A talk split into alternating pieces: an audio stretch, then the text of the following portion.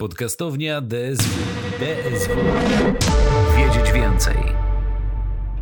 Witam Was serdecznie w kolejnym odcinku podcastu Szprot Talk. Z tej strony Szprotka, czyli Fęków Kinga. W dzisiejszym odcinku przede wszystkim porozmawiamy o kinie i przyjrzymy się działalności DKF-u, czyli Dyskusyjnego Klubu Filmowego Politechnika. Jest dziś ze mną Adam Krośnicki-Midoń, kinofil, jeden z prelegentów DKF-u i festiwalowicz. Adamie, bardzo się cieszę, że dzisiaj jesteś z nami. Dziękuję, że zgodziłeś się dołączyć do rozmowy. Jak tam przygotowania do sesji? Takie pierwsze pytanko na rozwiezienie. Dzień dobry Kinga, to ja dziękuję za zaproszenie. Jak przygotowania do sesji? Jestem pełny nadziei, że będzie jak najkrótsza po prostu.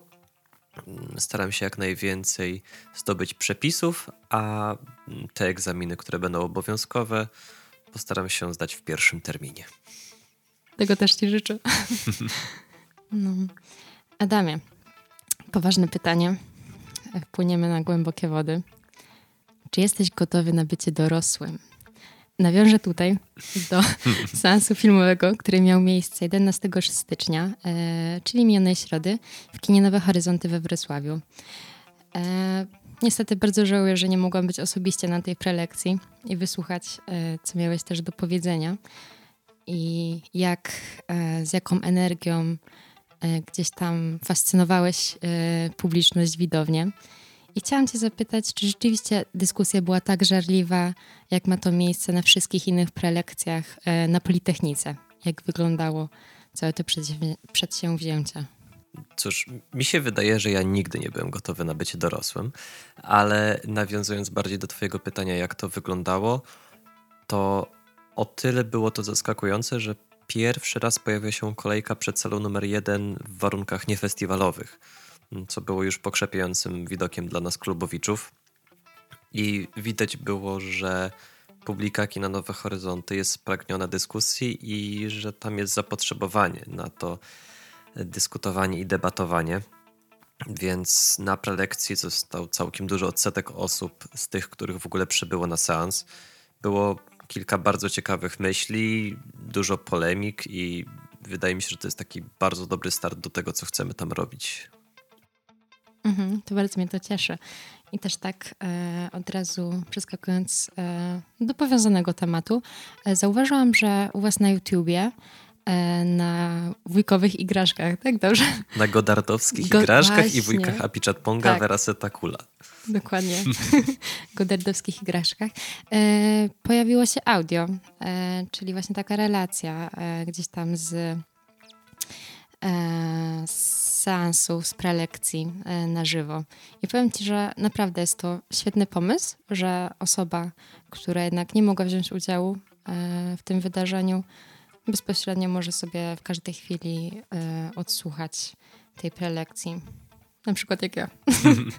No to był taki mój wymysł kierowany zarówno do przyjaciół z innych miast, którzy nie mogli przybyć na sens, jak i dla obserwujących tę stronę, jeżeli by chcieli mm, posłuchać tego, co powiedziałem, no to właśnie mm, nagrałem audio i troszeczkę urozmaiciłem prezentację w PDF-ie. Właśnie, bo jak, wyma jak wymawiasz reżysera Memorii. to jest Apichatpong Virasetakul, ale może być Verasetakul. Apichatpong Ver. Verasetakul. Nie, nie musisz tego mówić poprawnie. Mało kto potrafi, więc to nie jest żadna hańba. tak, wiem, ale wiesz, jakby lubię, lubię być przygotowana, chociaż Amerykanie mówią na niego Joe, więc możesz powiedzieć Joe. Joe. Joe. E, wracając jeszcze e, do Twojego kanału na YouTubie, e, Godardowskiej Graszki i wujkowie Apiczta Ponga Ver. Chciałam Cię zapytać, co sądzisz na temat memorii, która pojawiła się na festiwalu filmowym w 2021 roku. Bo jednak jestem z tych osób, które rzeczywiście wyszły po tym seansie z taką głową pełnych pytań, ale jednocześnie byłam mocno zrelaksowana. Ale wiem, że ten film budzi jednak skrajne opinie. Ja jestem fanem nurtu slow cinema, w szczególności Ponga, e, który zawsze gdzieś przemycał ten regionalizm i orientalistykę do swoich filmów. Memoria była jego pierwszym filmem poza Tajlandią. Była realizowana w Kolumbii, ale uważam, że to jest jego najlepszy film w karierze i w ogóle jeden z najlepszych filmów dekady. Mm, wielkie kino, które zarówno eksploruje możliwości narracyjne w slow cinema, ale też właśnie rolę dźwięku w kinie, co jest fascynujące. I wydaje mi się, że też osobisty sens, który mógł działać na wielu widzów terapeutycznie, a przynajmniej właśnie mógł ich zbliżyć do tego ich własnego kołatania dźwięku w głowie. tak, które było naprawdę dość specyficzne. tak, i głośne. tak, i głośne. No, ale to prawda, jednak widzowie zostali zebrani w tą taką głęboką podróż e, podczas tego seansu. Tak, kino Vera Setakula to jest y, kinematografia do y, imersji absolutnej. Tak, a też e, co do samego kanału na YouTubie, powiedz mi, e, czy ty gdzieś tam e, publikujesz materiały właśnie jako admin jeden e, samemu, czy e, działasz w grupie e, z, razem ze współpracą z fanpage'em na Facebooku? Kanał jest czysto rozszerzeniem fanpage'a. Fanpage tworzymy razem i y, jesteśmy tam w jakimś kontakcie. Niektóre memy wymyślamy razem, inne sobie, inne sobie podsyłamy.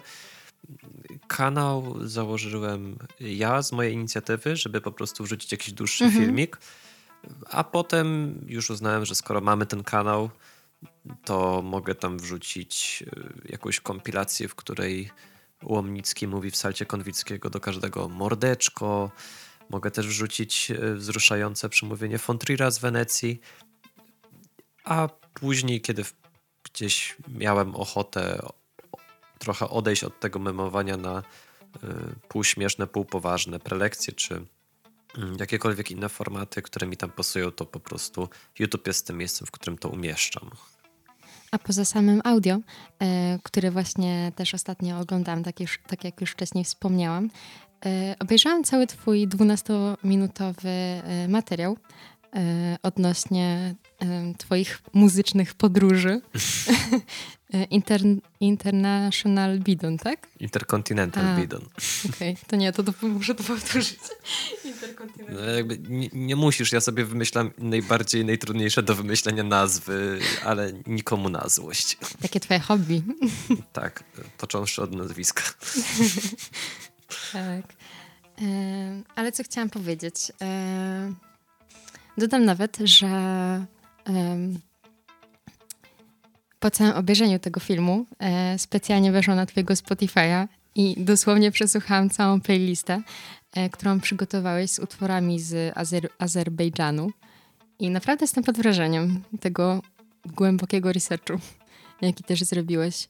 I chciałam powiedzieć, że to jest też niezwykła, taka niezwykła forma e, takiej rozrywki, zabawy, żeby, żeby właśnie wyszukiwać e, gdzieś tam nowych stylów muzycznych e, z krajów, do którego raczej przeciętna osoba no, nie miałaby chęci odkrywać tego typu muzyki. Dzięki za sprawdzenie playlisty. No, ona jest po to, żeby ktoś jej później posłuchał, to prawda. Ona się wzięła z tego, że w zeszłym roku miałem taki cel odkrywać 100 nowych utworów, które mi się podobają miesięcznie, więc 1200 mm, całorocznie.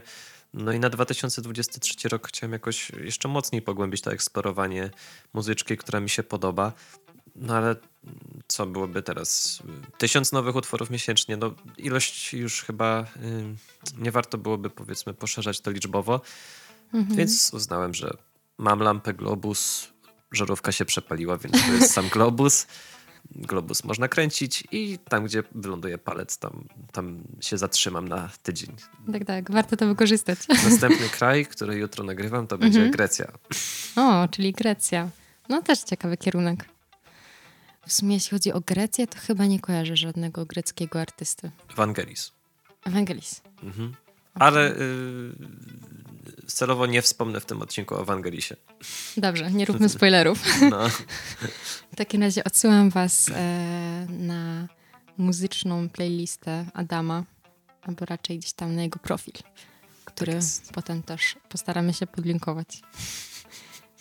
A co do samego Facebooka, macie naprawdę sporą grupę, sporą, sporą publiczność e, i też sama od czasu do czasu wchodzę do tego fanpage'a, e, no, żeby gdzieś tam po, podpatrzeć jakieś memy, czy to na poprawę humoru, czy po prostu zobaczyć, co tam się u was dzieje. I z ręką na sercu mogę powiedzieć, że trafiacie w mój humor. A jestem trochę wybredną osobą i też wśród znajomych mam taką opinię, że nie mam poczucia humoru, a jednak, widzisz, zdarzył się cud. No to super, że istnieje taka grupa fanatyków, którzy doceniają e, humor związany z kinem. E, nie no, a tak zupełnie serio to igraszki powstały z takiej, takiego właśnie zamiłowania do kina artystycznego. Mhm. Nikt trochę nie śmiał y, zachwiać powagi wielogodzinnych filmów czarno-białych o Estończykach, którzy jedzą ziemniaki. Tymczasem samo oglądanie takich filmów jest czymś zabawnym. Mm, I przynajmniej na obecnym etapie strony gdzieś mi przyświeca taka myśl walki ze snobizmem filmowym. Bo można oglądać memorię, można uznać ją za najlepszy film roku, ale jak wejdzie Batman, to też się fajnie popatrzeć na wybuchy. A świat kina jest pełny snobizmu, zmanierowania i uprzedzeń na podstawie gustu. Więc właśnie za pomocą kreacji admińskich staramy się jakoś obnażać te słabości kinofilskie. Mhm, pewnie też nie zamykamy się w pewnych ramach, prawda? Tak, igraszki nie mają ram. Całe szczęście. tak, ale powiem ci, to co też mi się spodobało właśnie e, gdzieś tam u was na Facebooku, na grupce, a szczególnie to był chyba twój post, z tego co pamiętam, e, dotyczył on e, OFA, o którym też w ostatnim odcinku e, gdzieś trochę z Arturem Markowskim e, napomnieliśmy. I powiem ci, niezłą reklamę zrobiłeś tego festiwalu. E, W szczególności e, zwróciłam uwagę na polecajkę miejscówek gastronomicznych e, z opcjami bezglutenowymi, które są dla mnie też idealne. Super usłyszeć to u Ofie, bo dosłownie wczoraj ktoś zarzucił mi y, osobiście, że to była najbardziej żenująca seria wpisów, jakie pojawiły się na tej stronie. Co ty? tak, ale reprezentacja bezglutenowa w świecie muzycznym i filmowym jest y, ważna. Jak ktoś y, jest uczulony na gluten, ma celiaki i nie jest to w formie prześnego żarciku, zawsze to wychwycam i lubię o tym wspomnieć na stronie. Mhm. Ja się też e, do tego dołączam. Od trzech lat, czterech nawet, piszę w ankiecie Nowych Horyzontów. Ogarnijcie bezglutenowe jedzenie w bistro, żebym nie musiał wychodzić z kina 15-20 minut dalej. I nie zadziałało, niestety. Hmm, chyba muszę też spróbować. Właśnie. Zobaczymy, co tam zdziałamy we dwójkę. tak. E, ale powiem ci tak, przeskakując już do kolejnego tematu, porozmawiajmy o DKF-ie. E, jakich rozmiarów jest to społeczność? Czym się tam zajmujecie? A przede wszystkim, jakie emocje też tobie towarzyszą na myśl o klubie filmowym? Ja w DKF jestem półtora roku i to jest y, najwspanialsze miejsce, do którego mogłem trafić na Politechnice Wrocławskiej. Pierwszy raz usłyszałem o tym miejscu przy okazji pokazu Stalkera, ale wtedy byłem jeszcze chyba we wczesnym liceum. Nie pamiętam kiedy to było. Dostałem powiedzmy polecenie od kolegi i właśnie w, kiedy wspominałem poprzednio, że świat kinofilii czasami bywa pełen jakiejś takiej zawiści i obłudy w niektórych rewirach, to DKF jest totalnym negatywem tego. To jest miejsce przyjaznych, otwartych i sympatycznych ludzi, którzy są bardzo inkluzywni. I poczułem się tam chyba chciany od pierwszej wizyty. Uważam, że także dyskusja i prelekcja jest czymś, jest, jest dobrym urozmaiceniem pokazu, bo prelekcja służy temu, żeby naprowadzić widza na jakieś tory, którym może się kierować odbierając ten film, ale też nie ma zrobić wszystkiego za niego, jak w przypadku jakiejś takiej analizy po seansie, a właśnie dyskusja pozwala skonfrontować myśli innych ludzi i też jakoś odpowiedzieć na nie. Mhm.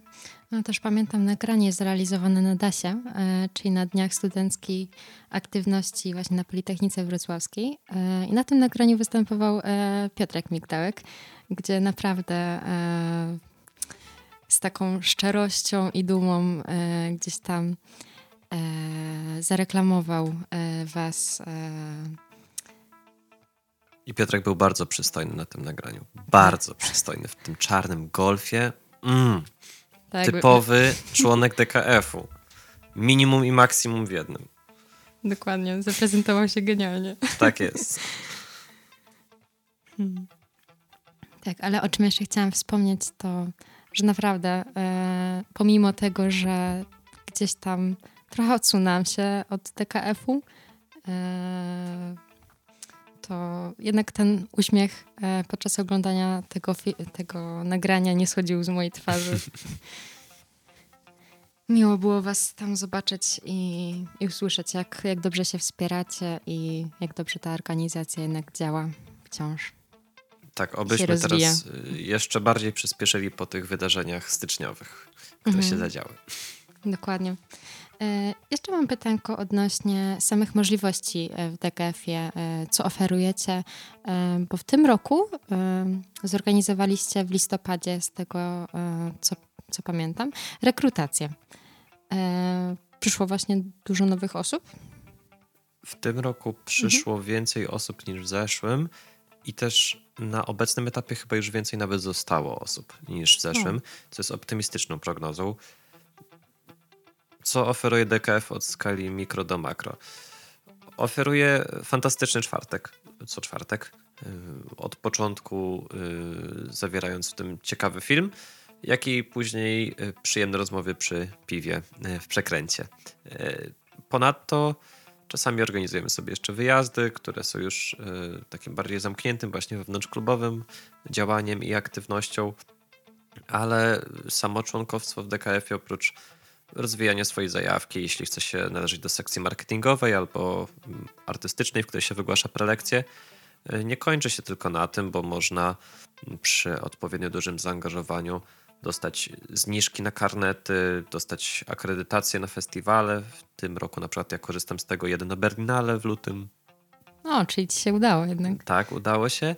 A e, jeszcze przykładowo fakt bycia w federacji w DKF-ów umożliwia nam start na przykład w konkursach prelegenckich lub tam jakichś warsztatach, które się odbywają y, po całej Polsce. Mhm. I też e, z tego, co wyczytałam w internecie, sam też wziąłeś udział w takim konkursie prelegentów. E, jak ci poszło? W tym roku DKF Politechnika y, ustanowił jakiś, jakiś monopol na te nagrody, mhm. gdyż y, moja dobra przyjaciółka z DKF-u Patrycja zdobyła główną nagrodę, a ja zdobyłem nagrodę publiczności i wyróżnienie jury, a zatem y, praktycznie DKF Politechnika wyjechał z tymi najważniejszymi nagrodami, więc super, cieszę się. To był przyjemny tydzień w Zwierzyńcu. Tak, to było super. W takim razie wielkie gratulacje dla Was obojga. Dziękuję. tak jeszcze mi się przypomniało a propos igraszek, że wiadomo, większość czasu pozostajemy pod tymi kreacjami admińskimi. To, co pisze admin 1, to nie są do końca moje myśli, albo gdzieś tylko y, dzieli myśli ze mną, ale też czasami wychodzimy w rzeczywistość i to była fantastyczna możliwość podczas festiwalu Nowe Horyzonty zorganizować quiz. I dla członków festiwalu, i pewnie dla osób zaprzyjaźnionych z tą stroną. To się działo w Arsenale. I to był świetny wieczór, przyjemna zabawa i dobrze było widać reakcję na żywo ludzi, które nie jest już tylko daniem serduszka pod postem, czy daniem haha pod postem, a jakoś taką, taki wyraz na twarzy dobrze spędzonego wieczoru i to było przyjemne, że ludzie wybrali ten wieczór w Arsenale, ten quiz zamiast bloku o 22. Także wspaniała okazja i tutaj oczywiście też ukłony podziękowania dla festiwalu Nowe Horyzonty. Tak, dokładnie. I też e, wydaje mi się, że była to wspaniała okazja do tego, żeby zawierać jakieś nowe znajomości, żeby tworzyć takie grupki, w których e, których można uczestniczyć w quizie, e, razem e, próbować gdzieś zdobyć nawet jeśli nie główną nagrodę, to po prostu jakiś mały upominek. To prawda, to Chociaż też e, mogę powiedzieć, że zapewne nie o same upominki chodziło, tylko jednak o, o ten, ten dobry fan. Tak, tak, zdecydowanie. Adamie, a czy oprócz e, samego uczestniczenia e, w festiwalach tutaj na miejscu we Wrocławiu e, i w Polsce na Nowych Horyzontach, czy udało Ci się jeszcze gdzieś wyjechać dalej e, poza granicami naszego kraju? Tak, 2022 rok był wyjątkowy pod tym względem, że udało mi się w tymże roku odwiedzić Berlinale, Cannes i Wenecję. Powiedzmy taka korona europejskich festiwali filmowych. Mhm. I to było doskonałe doświadczenie. Każdy festiwal cechował się innymi plusami, minusami, yy, wzruszeniami i emocjami, ale każdy był cudownie spędzonym czasem. A powiedz mi tak e, z perspektywy uczestnika, e, jak wygląda cała organizacja, a może nawet nie organizacja, a jakie są Twoje doświadczenia z, z udziału w festiwalu w Cannes? Cannes jest festiwalem, który idealnie sprawia wrażenie tego najbardziej eleganckiego i profesjonalnego, jaki może istnieć. Więc w telewizji, na Facebooku to, co widać, to jest czerwony dywan, elegancko ubranych ludzi, yy, złoto i blichtr. W momencie, gdy jest się widzem, rzeczywistość jest trochę mniej kolorowa. Nie zmienia to faktu, że bycie na festiwalu w Cannes jest spełnieniem marzeń każdego kin- kinofila. Ale zacznijmy na przykład od tego, że żeby wejść do głównego audytorium Lumière, po godzinie 16 trzeba mieć na sobie pełny garnitur, a kobiety muszą mieć kreacje wieczorowe. Więc trzeba było przetransportować ten garnitur z Polski do Francji, żeby móc dostać się na premierę, co było bardzo nieergonomiczne. W Cannes w maju panuje wtedy temperatura 30 stopni, a jak się stoi w kolejkach po 3 godziny, no to nie można zdjąć garnituru. E, Więc widziałem ludzi, którzy się na przykład przebierali tuż przed wejściem i potem rzucali znajomym e, swoje stare ciuchy. Celebryci, modelki, aktorzy wejdą do audytorium Lumière, bo mają zaproszenie, ale nawet dziennikarze w tym roku mieli trudności, bo system nie działał. I przykładowo z opóźnieniem 3 lub 5 godzinnym dopiero wpuszczał ludzi y, do możliwości dokonywania rezerwacji. Więc Cannes jest jedną wielką sinusoidą emocjonalną. Z jednej strony czujesz się tam e, niewiele warty w porównaniu z Robertem Lewandowskim, który właśnie wchodzi po schodach na premierę Elvisa. Z drugiej strony, jak już się człowiek znajdzie w tej wielkiej sali, kiedy już e, obsada wejdzie i ustaną 10-15 minutowe oklaski, można poczuć tę magię kina i taką jarmarczną wręcz, e, jarmarczny wręcz sposób przeżywania kina. A zatem, kiedy pojawia się nazwisko reżysera na napisach początkowych, jest Wiwat. Logotypy producentów także Wiwat.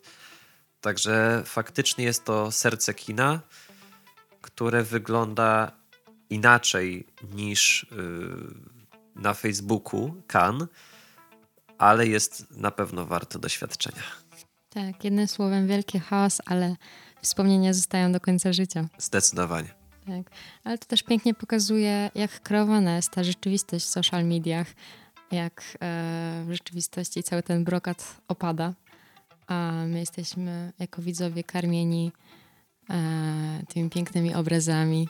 Zdecydowanie. No, magia kina, nie tylko na ekranie. Dokładnie.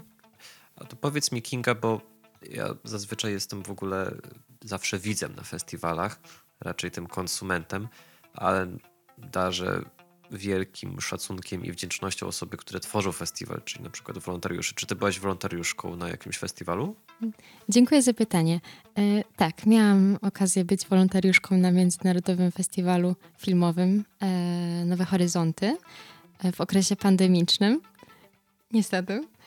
E, ale powiem Ci, że ta okazja e, bycia właśnie w tej przestrzeni kinowej i samo to, że jednak w tamtym niesprzyjającym okresie e, to kino nadal żyło, było spełnieniem marzeń. E, Wtedy też przeprowadziłam się do Wrocławia, więc tak naprawdę ten festiwal dał mi ogromną możliwość poznania nowych ludzi, gdzieś sprawdzenia siebie.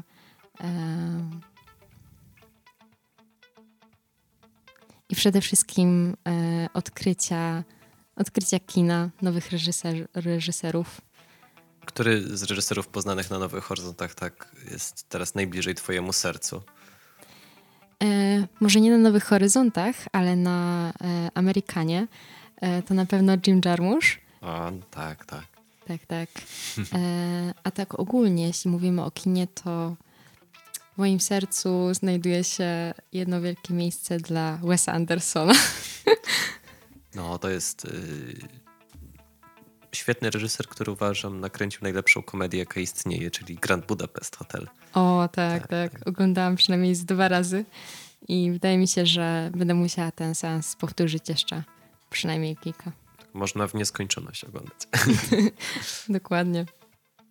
Kinematografii Wesa Andersona cenię sobie też e, czy to dobór kreacji, e, dobór e, całej e, obsady aktorskiej, która jest, e, trzeba przyznać, dość specyficzna. E, ale same historie komediowe, które rzeczywiście gdzieś tam idealnie współgrają z, z tematyką, z jego, z jego stylem wyrażania siebie. To, co też cenię w Wesie, to jego dbałość o detale. To przesadne zachowanie symetrii i niekonwencjonalny styl, który jest równie charakterystyczny. W jego filmach nic nie jest pozostawione przypadkowi i ta wdzięczna oprawa muzyczna, którą nie sposób pominąć. Tak, jego humor i taka lekkość, która właśnie w wielu filmach przywodzi na myśl francuską nową falę i czasy, w których kino się robiło dla zabawy i dla takiej mhm. przyjemności stworzenia, to jest ktoś, y, u kogo widać właśnie y, dobrą zabawę na planie, która się dzieje mimo takiego precyzyjnego kunsztu, y, który jest w każdym kadrze. Trzeba też dodać, że Wes Anderson jest samoukiem i nie ukrywam, że chciałabym pójść kiedyś w jego ślady, a przynajmniej może trochę się inspirować. To życzę tylko i wyłącznie powodzenia. Dziękuję. I myślę, że tym miłym akcentem e, mogę Ci podziękować za dzisiejszą rozmowę, za to, że się pojawiłeś w studio. I Was, drodzy słuchacze, zaprosić na kolejny odcinek i śledzić gdzieś dalej poczynienia Adama. Y, śledźcie poczynienia Szprottoku i Kingi. Dziękuję bardzo. Dzięki wielkie. Do usłyszenia. Do usłyszenia. A Was zapraszam na facebookowego fanpage'a Godardowskiej Graszki i wujkowie Api Czapon Firaset Hulga. Na YouTube o tej samej nazwie oraz na Spotify, gdzie znajdziecie playlisty Adama z odkrywczą muzyką prosto z Azerbejdżanu i nie tylko. Dzięki za odsłuch i do usłyszenia. Projekt Strefa Podcastów DSW współfinansowany jest ze środków Ministerstwa Edukacji i Nauki w ramach programu Społeczna Odpowiedzialność Nauki na podstawie umowy z dnia 10 grudnia 2021 roku.